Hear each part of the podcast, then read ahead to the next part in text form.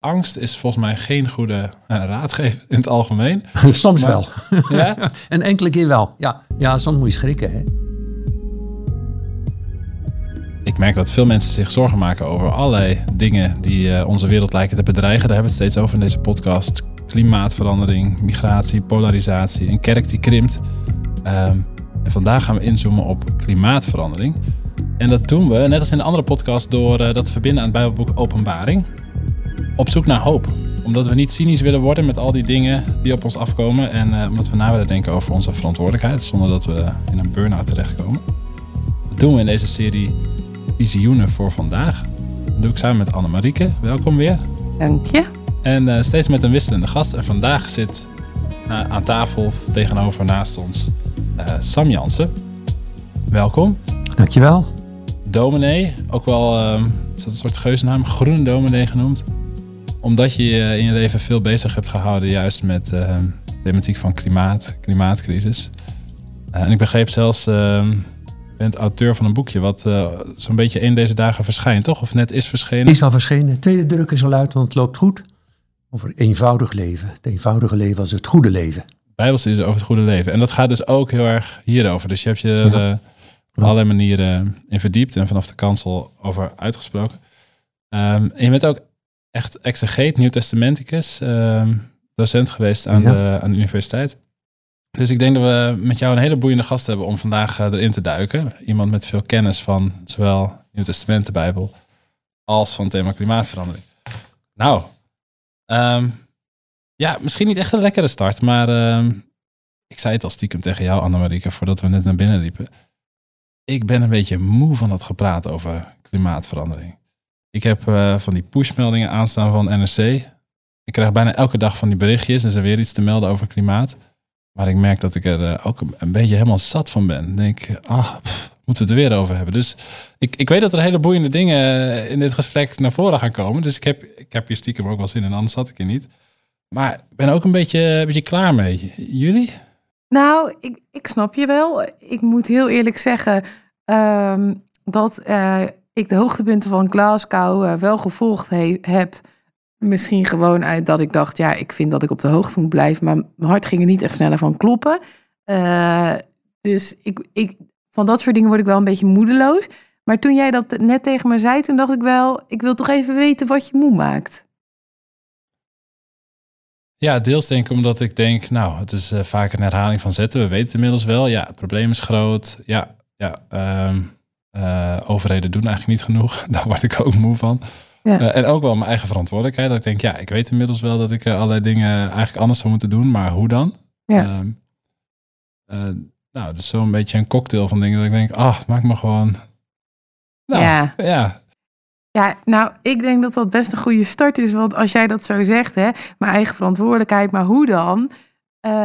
Ik- ik vind dat wel iets moois om verder uit te zoeken in deze podcast. Of we toch iets kunnen vinden dat dat, dat, dat jou er weer bovenop helpt Nou, misschien. Maar Dat, iets, iets als dat aan het eind je... gebeurt, is dat zou hartstikke mooi. Ja, Sam, eh, ben je ook al moe van het onderwerp? Je hebt er net een boekje over geschreven. Ehm, ik ben er niet moe van, maar ik voel wel dat er veel te veel over gepraat wordt en te weinig voor gedaan wordt. En ik denk dat vooral die verhouding, die wanverhouding, ons moe maakt. Van weer een conferentie waar misschien ook eigenlijk niet op volgt wat erop zou moeten volgen. is met al die andere conferenties ook gebeurd. Hmm. Veel woorden, veel afspraken, veel toezeggingen. En ze worden niet nagekomen. Dat maakt moe. maar Sam, jij bent in ieder geval twee keer mijn leeftijd. En dan zeg je, je ik ben niet moe. Dat vind ik best bijzonder als je al... Nou, je loopt al een tijdje mee op deze Ja, op deze aardbol. Ja. Dat vind ik wel interessant dat je nog steeds niet moe bent. Maar ik heb ook, en waarschijnlijk in tegenstelling tot jou, vier kleinkinderen. En daar doe ik het voor. Ja, ja ik hoor dat vaker, dat En- kleinkinderen een goed Ja, motto groot, zijn. grootouders voor het klimaat, dat is een hele club. Ja? En eh, die hebben iets van, ja, die, die, die kinderen moeten straks ook door als ze volwassen zijn. En hoe ziet de wereld er dan uit? Dat motiveert mij geweldig. Nou, dat motiveert mij om hier tegenover iemand te zitten die al kleinkinderen heeft en inderdaad niet moe is. Eh, Ja, en zich heel intensief met. ja. En het triggert ook meteen wat je zegt. Ja, we praten te veel en we doen te weinig. Daar gaan we straks over doorpraten. Wat, wat eigen is aan deze podcast is dat we ehm, het gesprek steeds ehm, als, eh, centreren rond een lezing uit het Bijbelboek Openbaring. Dat is onze grote kapstok in alle afleveringen. we hebben jou gevraagd, Sam, om eh, ook na te denken van wat zegt het Bijbelboek Openbaring nou over ja, eh, de klimaatcrisis waar we in zitten. Dat is ergens natuurlijk een beetje een gekke vraag, want dat boek is 2000 jaar oud. Helemaal niet geschreven tegen die achtergrond, met dat in gedachten. maar toch ehm, hebben we een hoofdstuk gevonden wat ons een spiegel gaat voorhouden. Ehm, heel even over, over dat boek. We hebben in eerdere afleveringen er al naar gekeken. Het is een boek met hele heftige beeldtaal. We hebben het vergeleken met een soort uh, uh, schilderij met, uh, waar, waar klodders verf op gekwakt zijn met heftige dingen, beelden die erop die uitdagen. Meer dan dat het een soort draaiboek is of een... een draaiboek van de eindtijd. Een draaiboek van de eindtijd. Het is een beeldboek, hè? Geen draaiboek, maar een beeldboek. Mhm. Dus dat, en het geldt zeker ook voor dit hoofdstuk. Ehm, we gaan hoofdstuk 18 straks lezen. Wat, wat voor hoofdstuk vallen we nou uh, binnen? Wat, waar zitten we dan in het boek? Wat? Uh, een heel kritisch hoofdstuk naar ons toe. Dat zullen we straks wel horen. Het gaat om een, uh, het leven van de gefortuneerde Romeinse elite. Die hebben alles wat hun hart begeert. En er komt een eind aan zegt deze ziener, deze profeet, Johannes, die we verder niet kennen. Er komt een eind aan, want het kan gewoon niet zo doorgaan. En natuurlijk, je zei het al, eh, de schrijver van Openbaring, die kent onze situatie niet, die weet niet van klimaatproblemen, klimaatrampen. Maar wij vanuit onze situatie, die dit wel weten, lezen het boek Openbaring en herkennen er dan best een heleboel in. Mhm. Mensen die leven in crisis waarvan ze voelen, dit kan zo niet doorgaan. Ja, dat zei je ook, hè? Van, ehm, ehm, het boek is geschreven tegen de achtergrond van een crisis. En daar zit alleen al raakvlak, zeg maar, met, met onze tijd. Als wij het lezen vanuit de situatie van klimaatcrisis. Wat voor crisis is het geschreven dan eigenlijk? Crisis van vervolging van de gelovigen, van christenen. In een eind eerste eeuw, zeg maar. Uh, moeilijk bestaan. Uh, hoe lang houden we het vol? Uh, die gelovigen roepen ook naar boven, hier kom, help ons, hmm. red ons, want het, het kan zo niet langer. Precies, ja. Oké, en nu duiken we dan in een hoofdstuk 18. Ik ga je zo vragen te lezen en dan uh, uh, buitelen ook allerlei beelden ons weer om de oren. Het gaat over ontucht met een hoer, over Babylon, een grote stad, oordeel. Laten we het eerst gaan lezen, want anders dan snappen mensen er niks meer van. hoofdstuk 18 vanaf vers 9. De koningen op aarde die ontucht met haar, dat is met Rome, hebben gepleegd en in weelde hebben geleefd, zullen om haar jammeren en treuren als ze de rook boven haar, dat is boven de stad Rome, zien opstijgen. Ze blijven op, op een afstand staan, ontzet door de straf die ze krijgt, en zeggen: Wee, wee Babylon, grote sterke stad, in één uur tijd is je vonnis voltrokken. De handelaars op aarde treuren en rouwen om haar, want er is niemand die hun waren nog wil kopen. Goud en zilver, edelstenen en parels, linnen, purperen stoffen, zijde, scharlakenstoffen, cipressenhout, allerlei voorwerpen van ivoor en van dure houtsoorten, van brons, ijzer en marmer, kaneel en kardemom, reukwerk en balsem, wierook, wijn en olijfolie, meel en tarwe, runderen en schapen, paarden en wagens, slaven en lijfeigenen.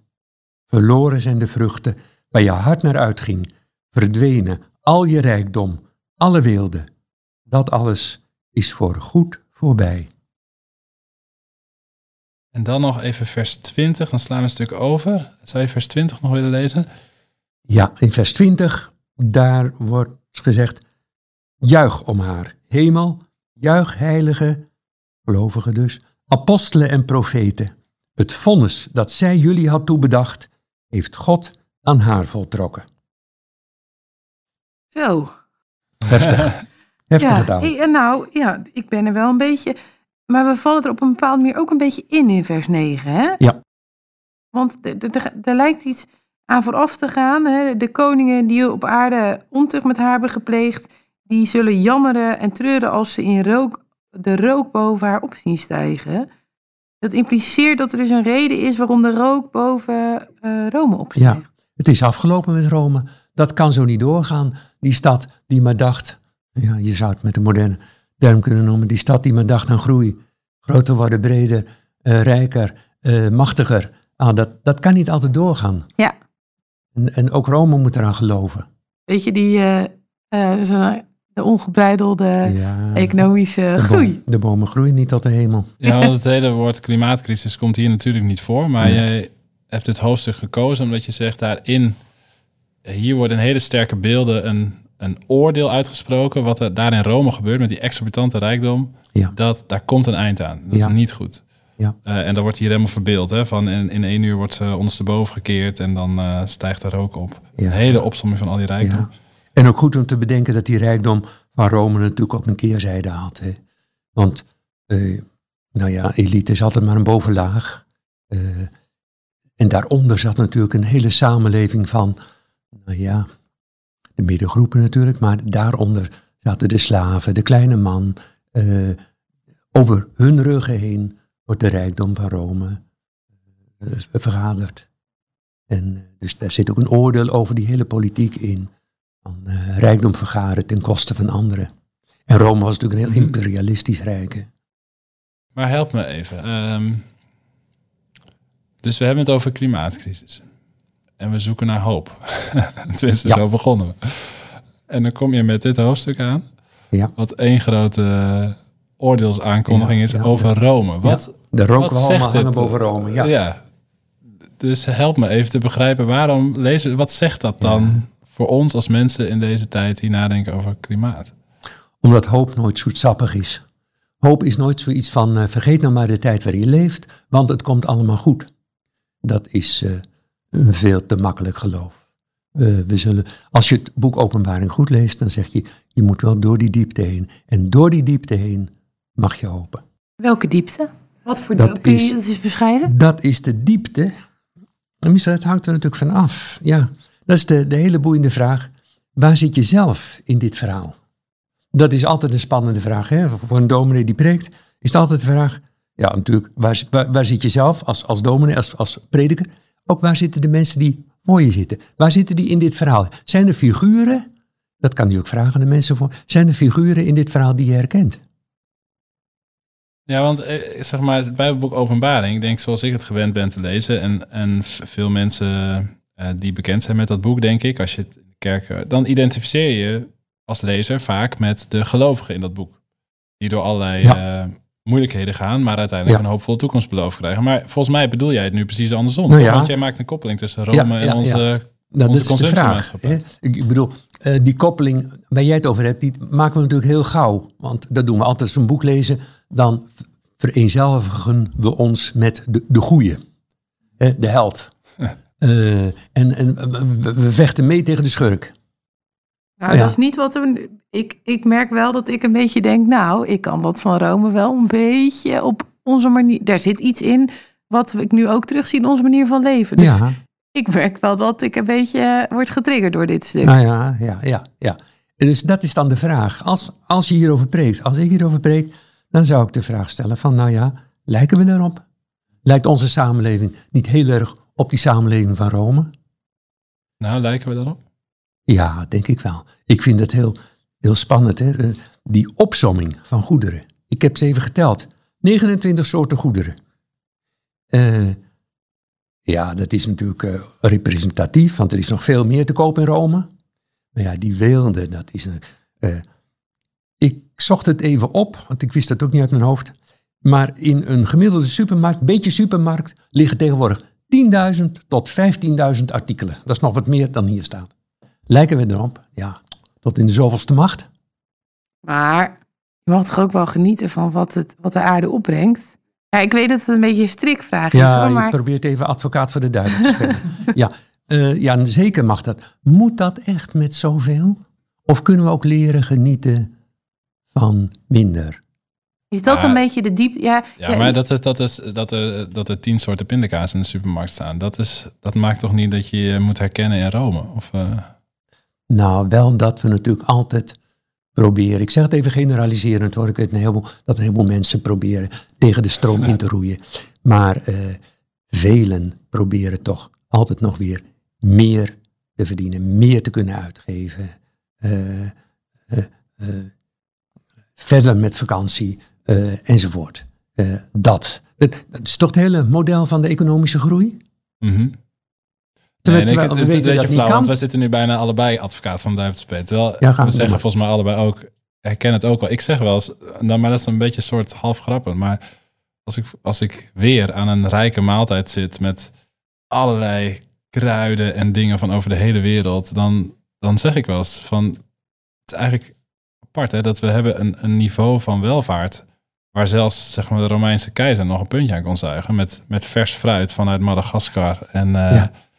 Dat Ja. is wel echt super bizar eigenlijk wat wij heel normaal vinden, want je koopt het allemaal gewoon in de supermarkt. Maar als je bedenkt dat dat ongekend is eigenlijk en dus ook dat daar, en daar worden we natuurlijk ons steeds meer bewust van, wel een hele, hele achterkant achter zit. Ook achter Ja. dat fruit uit Madagaskar misschien. En Oh ja.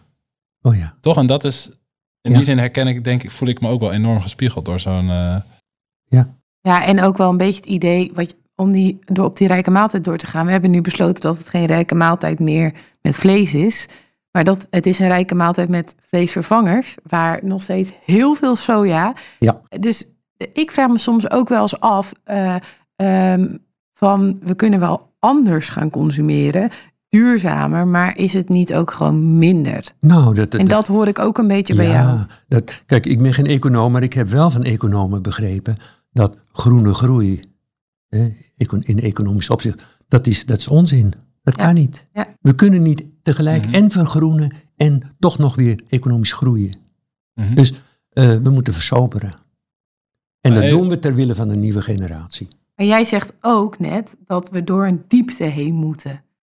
Ja, precies. Want ik denk bij de, bij de praktische dingen, daar wil ik, wil ik straks komen. Maar ik wil eerst nog even, even nog doordenken over de consequentie. Want als je zegt, of als we met elkaar zeggen... eh, Oké, we lezen dat Bijbelboek Openbaring. En, en als je aan het begin begint, je bent misschien geneigd om je te, met de held te identificeren. Maar dan kom je bij deze hoofdstukken en dan, hey, als je even uitzoomt... Dan schrik je en denk je, ik herken me vreselijk in, eh, Ja, in de ja. boeman hier, zeg maar. Ik stond aan de verkeerde kant. Ik sta misschien aan de verkeerde kant. En, maar wat betekent dat dan? Want dan zeg je daarmee dus ook van... dan komt er een oordeel over de manier waarop we Ja, ja. leven. Tenminste, Ja. Die oerwoorden van de Bijbel moeten we maar laten staan. Oordeel, bekering zijn allemaal wat klassieke woorden, wat ouderwetse woorden. Maar ze drukken toch eigenlijk heel goed uit waarin we zitten. En maar wat betekent dat dan? eh, misschien ervaren we dat nog wel aan den lijve. Ik sprak van de week een econoom, heeft ook aan dit boekje Eenvoudig Leven meegewerkt. Eh, ja, ik vond dat heel schokkend. Ehm, ik vroeg hem, eh, ben je nog met je proefschrift bezig? Hij zei nee, eh, ik doe andere dingen nu, want we hebben nog tien jaar. Tien jaar, ja, voordat we misschien nog het tij kunnen keren. Dat we niet op dat beruchte point of no return komen. Nou ja, goed, ik weet niet eh, hoe hard dat cijfer van tien jaar is. Misschien is wel twintig, maar ook dan nog. Nou, daar, daar word ik gewoon koud van als ik dat hoor. Dus dan bij oordeel denk je niet aan eh, God die een bliksemschicht uit de hemel stuurt, maar, Ehm. eh, maar iets wat we over onszelf afroepen met, Ja. een, met een aarde die... En dan is het altijd een spannende vraag, eh, theologische vraag. In hoeverre zit daar dan ook de hand van God in? En dat, daar moet je altijd mee uitkijken, met dat zo duidelijk en zeker te weten. Maar dat mag je wel eens afvragen. En laat God het ook niet gebeuren om ons eh, eh, te krijgen op het punt waar we onszelf naartoe gemanoeuvreerd hebben. Vraag jij je dat af? Ja, ja, Wat denk je dan? Dus wat is het antwoord op die vraag voor jou? ja. Wat denk ik dan? Dat ik, eh, dat dat wel eens zo zou kunnen zijn. Dus dat is ook nog niet zo'n hard antwoord, maar dat moet je ook niet willen. Hè. Vroeger wisten theologen natuurlijk precies waar de hand van God allemaal in zat. En zijn we voorzichtiger mee geworden, terecht. Maar als, als vraag kun je dat zeker meenemen. En dus God wil ons naar, jij, de- jij denkt aanleiding te zien dat God ons naar een punt wil manoeuvreren. Eh, kun je daar iets meer duiding aan geven? Waarom? Nou ja, wij manoeuvreren onszelf naar dat nulpunt. Hè? Eh, en de goede geboden van God, namelijk het delen van het leven en het delen van de spullen, zijn duidelijk. Eh, en die krijgen we mee in, in, in de Bijbel, in de weg van Jezus. eh, de manier waarop de eerste christenen met elkaar omgingen. Allemaal helemaal duidelijk. Als we dat in de wind slaan, ja, eh, misschien zegt God dan ook een keer van, zoek het dan zelf maar uit. Ontdek het zelf maar, waar je terechtkomt. Ja, ik probeer me. Ik val een beetje stil, merk ik. Nou ja, maar dat het, was... het geeft stof tot nadenken. Dat gebeurt er nu ook echt in mijn hoofd. Dat ik wel Dat- even denk van, Ja, het klinkt gewoon hard. het, het klinkt heel hard, maar we weten, we- maar we wisten het toch al? Dit- Ja, maar om het van jou nieuw. te horen, vind ik dan Maar- nog maar- wel weer... Ja, je dacht een dominee die zal wel veel hoop geven. Ik ben benieuwd Nou, hoe we nu nog bij die hoop uit gaan Het is komen, wel, Sam. wel grappig, ja. Ja. We- ik begon de introductie van de podcast niet van, nou, we zijn op zoek naar, eh, naar eh, spiegels of zo. Hè? Of eh, nou, op zoek naar eh, welk oordeel boven ons hoofd hangt. Nee, we zijn op zoek naar hoop. Maar, maar er zit misschien wel hoop in oordeel, maar daar komen we vast nog op. Maar ik ben wel benieuwd, stel dat het zo is, hè, dat, Ja. zeg maar, kijk, inderdaad, we, we weten dit al. We weten dat er dingen fundamenteel niet kloppen met de manier waarop we met elkaar bezig zijn. Met eindeloze groei en, en uitbuiting van de aarde. En we weten ook steeds meer dat dat enorme consequenties al heeft en hele grote dreigende consequenties gaat hebben. Het is in die zin wel nieuw om te zeggen, nou misschien zit er ook wel de hand van God in, die ons overgeeft aan wat we zelf het woord oordeel daarbij te gebruiken. Stel dat dat zo is, hè, en dat we als gelovigen mede door zo'n Bijbelhoofdstuk zeggen, wow, ja, misschien zien we in die dingen die gebeuren ook wel ja, of moeten we ons in ieder geval afvragen of daar de hand van God in zit die ons in een bepaalde richting duwt. Hoe, hoe leef je dan als gelovige onder zo'n oordeel, zeg maar? Wat, wat betekent dat? Wat staat ons dan te doen? Of hoe reageer je daarop? Of wat? Ehm, hoe reageer je daarop? Zoals die econoom. Ja. Ehm, doen wat je in alle eenvoud kunt doen. Eh, wel wetend dat je daarmee eh, het lot van deze planeet niet kunt omkeren, althans jij in je eentje niet. Eh, dat is één. Twee, sluit bondgenootschappen met anderen die in hetzelfde schuitje zitten, eh, die, die ook weten eh, dat het de verkeerde kant op gaat. Eh, drie, probeer samen met elkaar een alternatieve levensstijl te ontwikkelen, waarin het niet alleen maar is van minder en zuiniger en soberder, maar waarin je ook het goede leven ontdekt met elkaar. Maar ook juist ontdekt dat dat goede leven in het eenvoudige leven zit. En dat hebben we met het boekje probe- willen proberen duidelijk te maken. De, de, de kleine vreugde van elke dag. Maar, de- kijk, wat jij zegt klinkt, nou, weet je, daar kan ik over nadenken. Maar dan denk ik, is dit, ik ga een lijstje googlen van, eh, ik ga duurzamer leven. eh, ik trek mijn wc voortaan met water uit een fles door. eh, doe mijn auto weg en ga mijn huis heel goed isoleren. Nou, en dan denk ik, ja, I did my part. Of eh, gaat het wel verder? Is het misschien wel dat ik, net zoals die econoom, de komende tien jaar ga vechten om eh, mensen bewust te maken van dat we nog maar tien jaar hebben? Want daar zit toch wel een verschil in radicaliteit in. Ja, ieder op zijn eigen manier. Dus Hangt jou niet radicaal genoeg? eh? Nou, ik vraag me af, als, als er, ja, ik, dat knaagt een beetje aan me, dat ik denk het moet misschien radicaler dan. eh, Eh, ja, nou, niet iedereen heeft ook de mogelijkheden, de, de vaardigheden, eh, de brains om hier inderdaad eh, een weg te wijzen. Maar wel ieder met de mogelijkheden die hij of zij heeft. Ja, en dan, eh, ja, en, en, maar goed. je ja, kunt ja, ja, ja, duurzaamheid ja, zo doen dat het eigenlijk nog niet eens zo heel veel pijn doet. precies, het moet ergens pijn Want je doen. gasrekening Ja, wordt lager als je. Ja, ja, ja. het moet ergens pijn Het doen. moet dat ergens, is, als het, ja. als- En waarom? waarom? waarom? moet het ergens pijn is doen? masochisme is toch geen doel? eh? Nee, nee, nee, nee, nee. Nee, nee, maar hier zitten we op, denk ik, een belangrijk spoor van onze christelijke traditie. Onthouding, ascese, is altijd een belangrijk gegeven geweest. Cese? Ascese. Wat, wat, wat, sorry, ik Dat- ben echt oh, geen theoloog, nee, maar- dus Ja, dat is Vele- dus vele luisteraars ook niet. Nee. Eh, onthouding, hè. Eh, dat is natuurlijk wel eens, dat is, dat is wel eens te gek gemaakt. Hè. Zoals de monniken vroeger zich geestelden en, eh, nou ja, zich... eh, Maar een element daarvan moet erin zitten. iets- ja, precies. Ook al om jezelf in de hand te houden. Hè. Eh, ben ik de baas of is eh, de drank de baas of die volle tafel? Eh, nee, ik moet de baas blijven.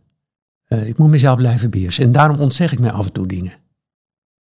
Het moet ergens pijn doen. Het dan. moet, als het, als het maar ik merk dat pijn- ik, waar ik nog even ben, want ik vind het leuk om nog straks nog wel even door te praten over heel concrete eh, dingen. Maar ik merk dat ik er ook nog even ben blijven hangen bij dus dat eh, idee van oordeel. Ehm, Dat heeft indruk gemaakt Ja. op je. nou, de vraag die het nog oproept, zeg maar, voordat we dan doorschakelen naar allerlei praktische dingen. Van oké, ja, die kant is er aan. Dus je, wow, je wordt geconfronteerd en dan ga je proberen anders te leven. Maar zeg maar, als gelovige, als je denkt, we zitten hier met elkaar misschien wel onder een oordeel van God. Hoe, hoe is je, eh, hoe kun je dan daarin nog wel met God optrekken? Of betekent dat dat God, eh, snap je? Dat geeft Ja, mij een soort gevoel ja, van de hemel is een, duis, een donkere wolk geworden. Van God eh, wordt er nu oordeel over ons uitgestort. Maar dat, ik vind dat maakt me ook misschien wel des te moedelozer om dan maar in een of ander activisme te vervallen. Snap je? Ja, van God is ons een beetje zat. Of, of Ik heb het idee, ik heb God heel hard nodig om ook juist in, in het zoeken naar een andere levensstijl. Dus als God ons oordeelt, is hij er dan nog wel bij om ons te helpen op die weg? Ja, ik denk dat de hoofdstukken uit het Oude Testament over de dreigende ballingschap ons hier ook veel kunnen leren. Profeet Jeremia bijvoorbeeld, hè, die ook het oordeel moest preken, prediken. Eh, je had ook profeten die het niet deden. Hè? Die, het komt allemaal goed. Vrede, Mhm. vrede, geen gevaar. Terwijl de Babyloniërs al wel voor de muur Ja, dus hij moest oordeel preken. maar, oordeel ja. En dan is er toch ook een moment dat die mag zeggen, er kan aan het eind van de tunnel ook licht zijn. Die ballingschap is onafwendbaar. Ja, dus dat Maar- is vo- precies. Ja, maar dat- God laat je niet los. hm. Maar het is nooit of-of. Of eh, een boodschap van hoop of een boodschap van oordeel. Maar dus het zou nu ook kunnen zijn van, nou, Ja. die, die klimaatcrisis en, en die opwarming, die is misschien op een gegeven moment eh, onafwendbaar. Je moet er gewoon de gevolgen dragen van je eigen gedrag. Maar God laat niet God laat je niet los. dat, dat is wel mijn diepste vertrouwen. Dat God ons vasthoudt. Ja, ja, ja, ja. Want ik merk, dat is misschien ook een deel van mijn vermoeidheid. Maar dat, ehm, denk ik, ik heb ergens een, een soort diepe eh, intuïtie van, maar het christelijk leven is toch niet, eh, ehm, is toch anders dan dat activisme wat je overal ja. om je heen ziet. Zeg Ja, maar. Er dat zit toch een soort diep, ergens een diepe ontspanning inderdaad. En eh, ik merk dat ik daar een beetje huiverig voor ben. Van, eh, voor die ontspanning of voor het Nee, activisme? Nee, voor het activisme. Ik denk dat dat geeft vaak zo'n energie met zich van een verbetenheid en een en een, een, als je niet uitkijkt, een enorme afkeer van mensen die niet zo hard rennen als jij. Ja. En denk, maar dat is niet, dat is niet de weg van Jezus volgens mij. Dus de, de kunst zal dan zijn, de, de echte levenskunst, om dat te verbinden. En daarvoor hebben we ook een innerlijk leven nodig. Eh, spiritualiteit is tegenwoordig natuurlijk een, een kernwoord. Eh, momenten van rust, van bezinning, van lofprijzing. Ja, ik prijs er natuurlijk als dominee toch wel de, de, de kerk aan.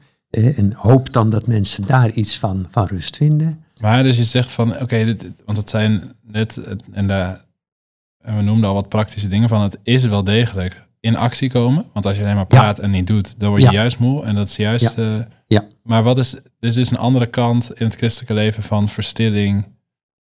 Ehm, wat gebeurt daar dan, zeg maar, wat dat activisme anders maakt? dan weet ik mij geborgen en gedragen ook in de diepste nood. En dat geeft ontspanning. Door goede machten wonderlijk geborgen. hè, Bonhoeffer, dat lied. In de nood. Maar dan kom je dus inderdaad, dan kun je dus aan de ene kant zeggen, ik laat me door zo'n bijbeltekst confronteren. Het is misschien wel een oordeel wat over ons Ja. wordt. eh, ja, En tegelijkertijd in de stilte kom je dan dus toch ook ergens bij, maar, maar ik kom bij God, zeg maar. de Eh, bron. Ja, geborgen. ja, ja. geborgen. Ja, wat er ook gebeurt. Ja, ja. En het ontslaat je niet van de plicht om maandag weer dapper aan de gang te gaan. Nee. Maar dat Maar kan ik ben hier ook. wel blij mee, want ik denk dat ik, dat ik daar wel naar zoek of zo. Als je dat niet hebt en je ook zo'n oordeel, dat kan, denk ik, ja, eh, angst is volgens mij geen goede eh, raadgever in het algemeen. Soms Maar- wel. Ja? En enkele keer wel. Ja, ja soms moet je schrikken. Hè? Ja, Ja. oké. Maar Ja. als, als je gedreven, voortgedreven maar als wordt dat door enige zo'n... motief nee, nee, Want ik nee. denk dat dat een deel van mijn vermoeidheid ook is. Dat ik, ik denk soms dat ik te weinig een... ehm, maar als, je, als je ergens denkt, nou, het, het komt toch niet meer goed. Dat motiveert Ja, ook niet om... nee. eh, dus je hebt juist nodig ergens een, een, te weten dat het uiteindelijk goed komt, volgens mij. Juist om in actie te komen, toch? Ja. Maar ik vind het wel een hele dunne lijn tussen ehm, dat harde oordeel van, nou, het, gaat, er- het, wordt echt nog wel een stukje erger.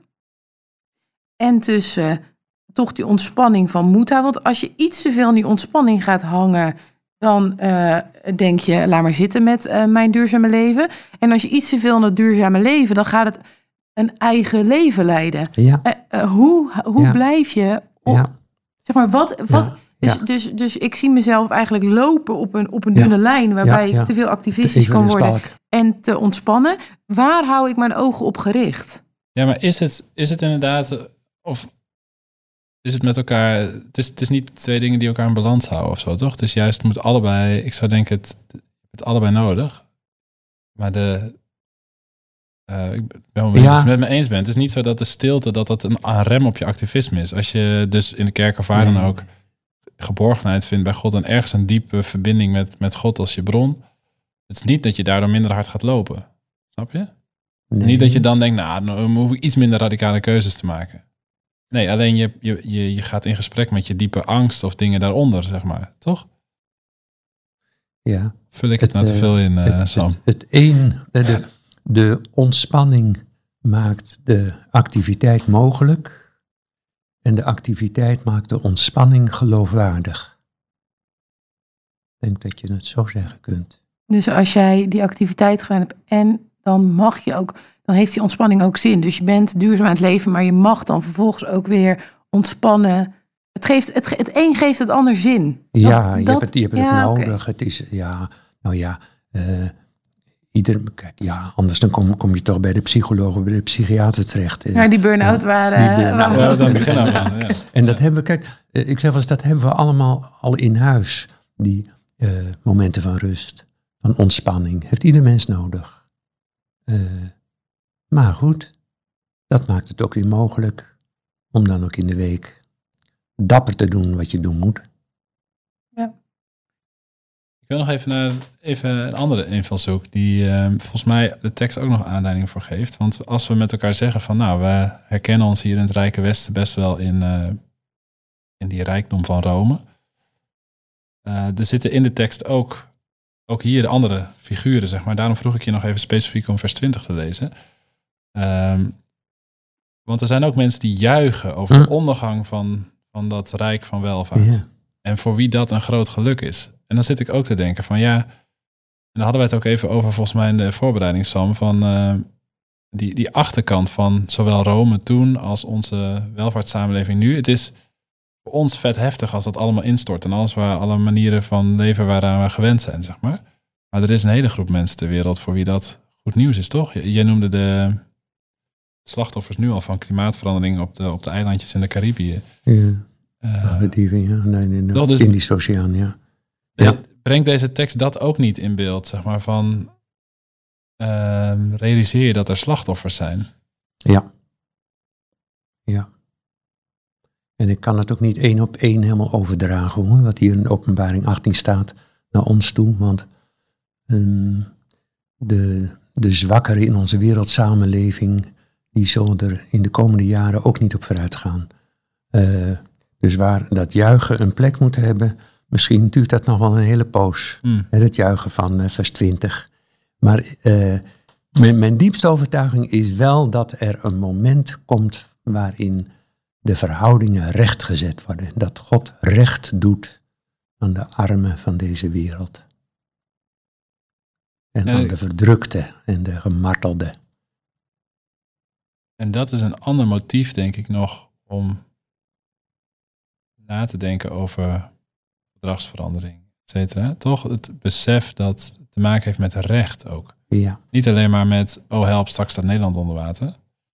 Ehm, maar ook met, misschien dragen wij helemaal niet de, de ergste gevolgen, maar er is een hele groep, ja. eh, veel groepen Die nu al, Nu al. nu al het slachtoffer zijn van onze manier van leven. Dus ja, dat, dat hele vrome van eh, het is nu wel, eh, wel eh, moeilijk in de wereld, maar straks komt de Heer en dan worden we daaruit verlost. Dat gaat dan toch vaak voorbij aan de slachtoffers die nu al vallen. En ook hele goede, lieve mensen die elke bedelaar die op een stoep staat zouden willen helpen, zien toch onvoldoende dat die bedelaars er nu al zijn in de wereld. En dat die nu al op de eh, milieuconferenties hun hand ophouden en zeggen: help ons, jullie hebben deze eh wantoestand in de wereld, eh, CO2-uitstoot enzovoort veroorzaakt. Help ons dan nu ook daaruit. En dat zouden we moeten doen. Dus het diaconaat dat waar de kerk sterk in is, want dat zijn we altijd sterk in geweest, denk ik. Dat moeten we, die lijnen moeten we doortrekken, hè? uit de microsfeer halen.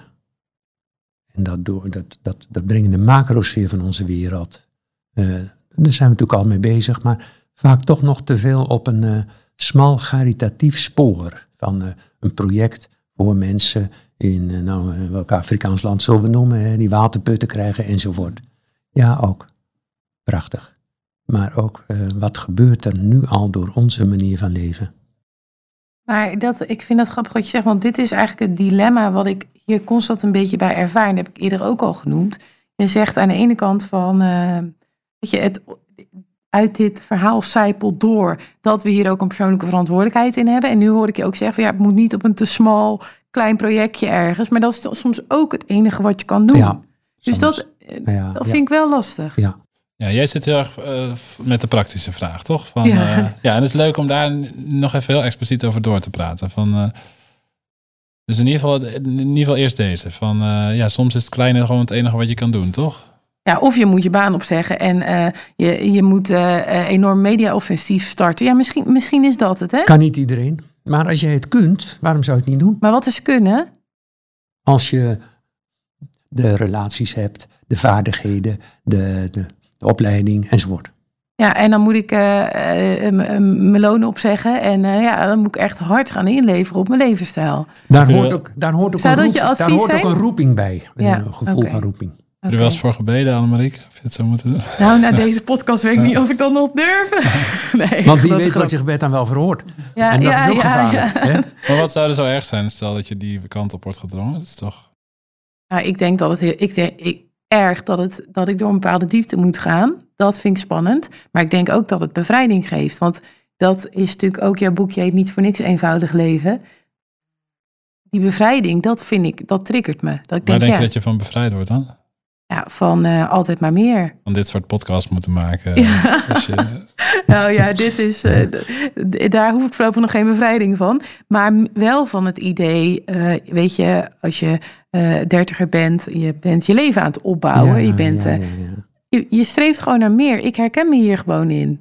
Ehm, eh, toch weer je kledingkast aanvullen. je, weer dingen voor je huis. mobiliteit. Weet je, ik, onbewust ben je daar gewoon, doe ik er gewoon hartstikke aan mee. En ook als christen. En nu dus bewust. Ja, ja. Dat is nog erger, hè? Ja. nu ben je Ja. bewust onbekwaam. Nou, dat, Ja. ja. nee, maar je kijkt. Maar wat is de bevrijding dan die je voor je ziet als je daar... eh, Nou, het, brengt je gewoon, het brengt je gewoon iets verder, die status. Dat, me- ik merk dat. Ik merk dat dat een beetje aan me begint. En deze podcast helpen daar ook wel erg aan mee. Ja, precies. Want eh, de laatste aankoop is altijd de opstap naar de volgende. Ja. Je hebt al een volle klerenkast. Maar ja, de nieuwste van de nieuwe mode. Daar wil je toch in meedoen. Eh, maar ja, goed. Je weet dat er een half jaar later weer een nieuwe mode is. Enzovoort.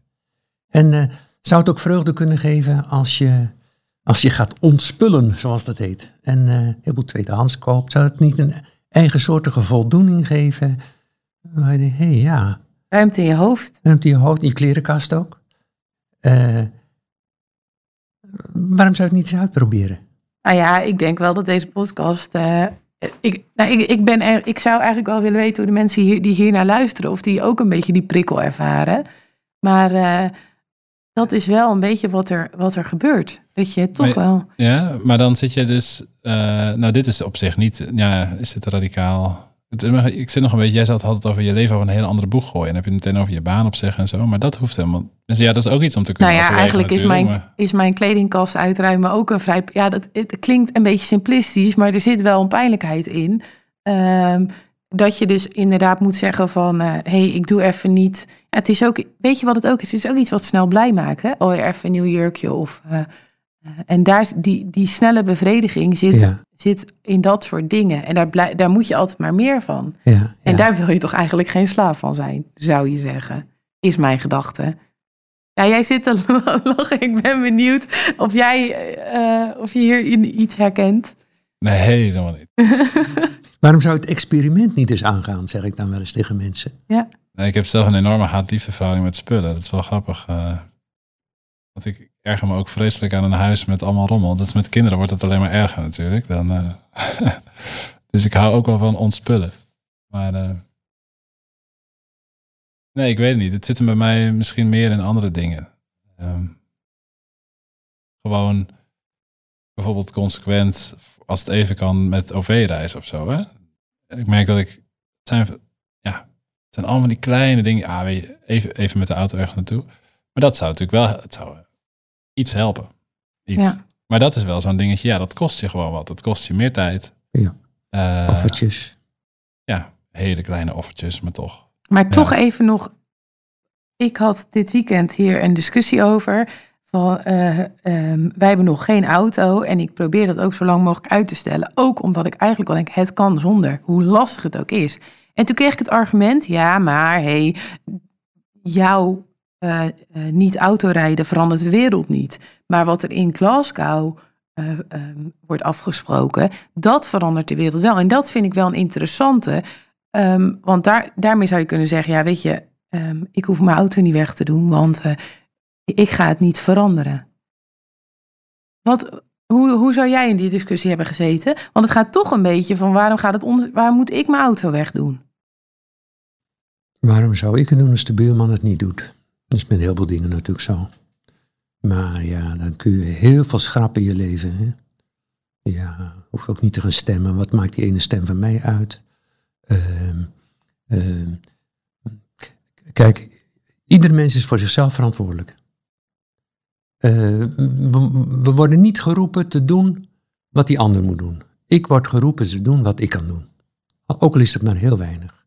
Bovendien, op een gegeven moment heb ik ook een gevoel, ik zou niet anders willen en kunnen leven.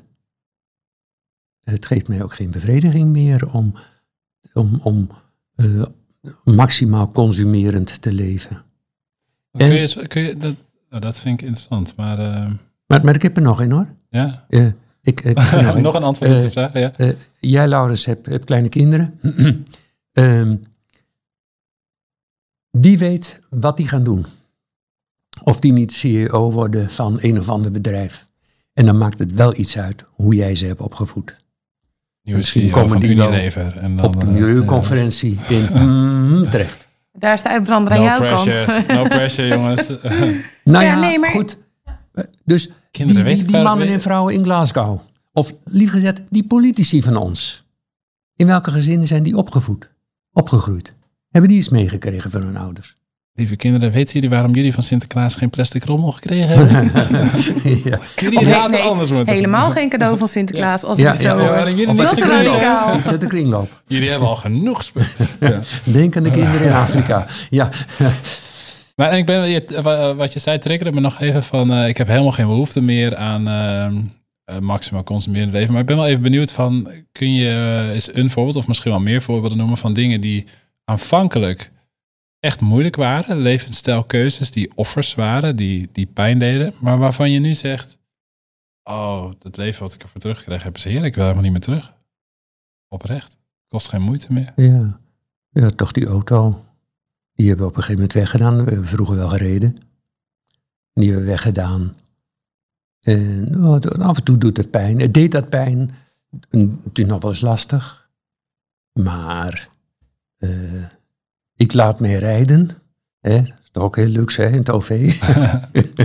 Niet altijd hoor. Je staat ook wel eens te wachten. Je denkt, hè, waar komt die rotbus nou? Eh, maar eh, het is natuurlijk ook veel gezonder. Al die mensen die eh, met de auto van deur naar deur rijden, dat is toch ook een, een raar leven. Uh,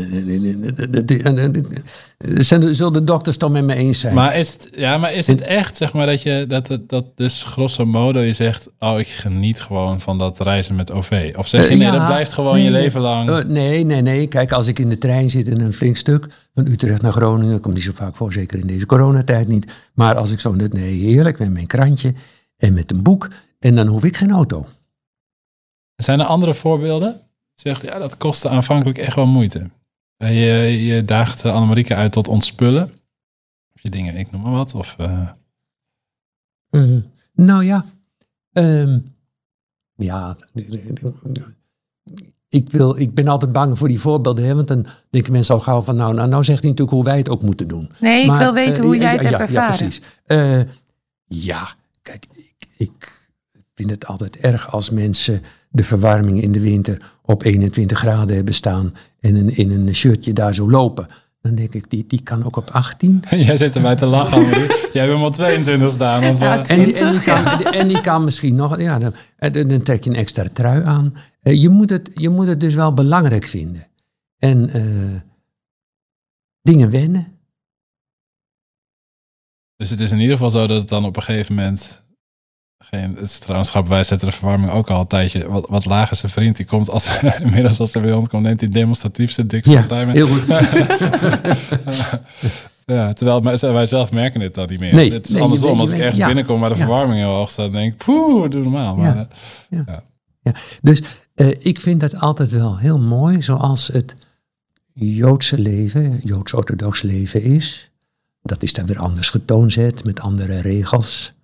Maar het hele leven wordt geleefd vanuit de gedachte, hoe is het bedoeld?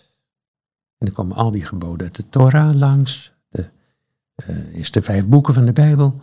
Eh, nou, eh, zo doe ik het natuurlijk niet. Ik ben geen Jood. Maar wel dat je je hele leven tot in de kleine dingen probeert met elkaar in overeenstemming te brengen en ook met eh, te laten sporen met het welzijn van deze planeet, van, van aarde, lucht en water, mens en dier en plant. En op een gegeven moment gaat het ook vanzelf. Hoef je er ook niet meer bij na, over na te denken. En wat levert dat je op? Oh, da- daar gaat het niet om.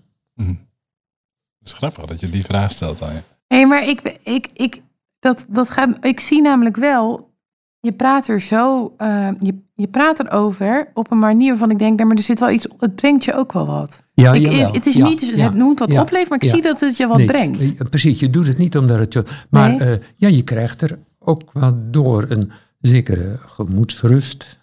Ja, voldoening is ook weer zo'n zo'n burgerlijk woord. Dan ga je helemaal voor de voldoening, dat bedoel ik niet. Maar het voelt goed, laat ik het zo maar zeggen. Het voelt gewoon goed. Ja, ik kan me wel voorstellen.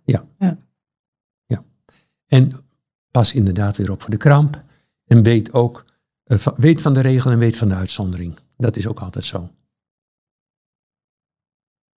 Ik zou het wel leuk vinden om nog als tot slot te kijken of we de cirkel kunnen rondmaken. Ik denk zo de laatste paar minuten.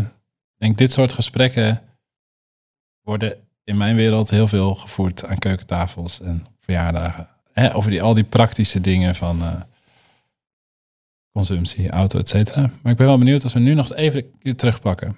Wat we in die tekst voor spiegel krijgen aangereikt.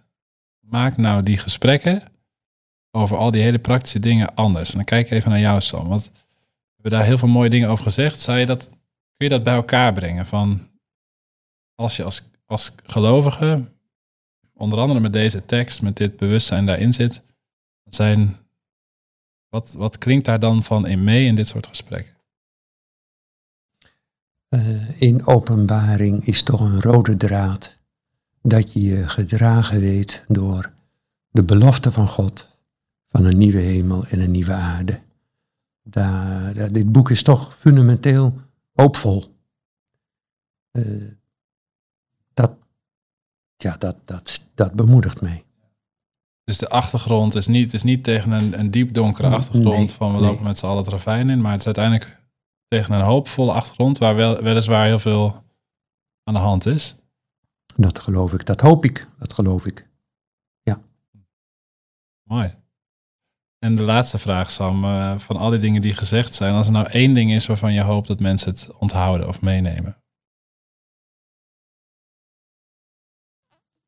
Er zijn heel veel dingen. Hè? Ja, één. ehm, ja, één. Er is hoop, maar leef zo dat die hoop niet goedkoop wordt.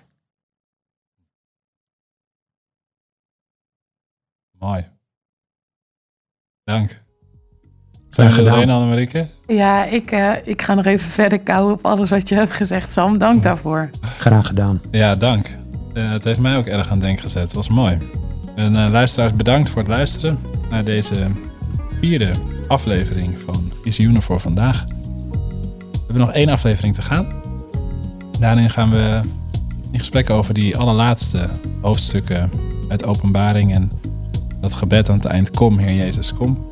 Dat doe ik eh, weer met Annemarieke en onze gast dan is ehm, Barbara Bamen is ook predikant. We gaan het hebben over die hele persoonlijke vraag. Komt het goed met mij?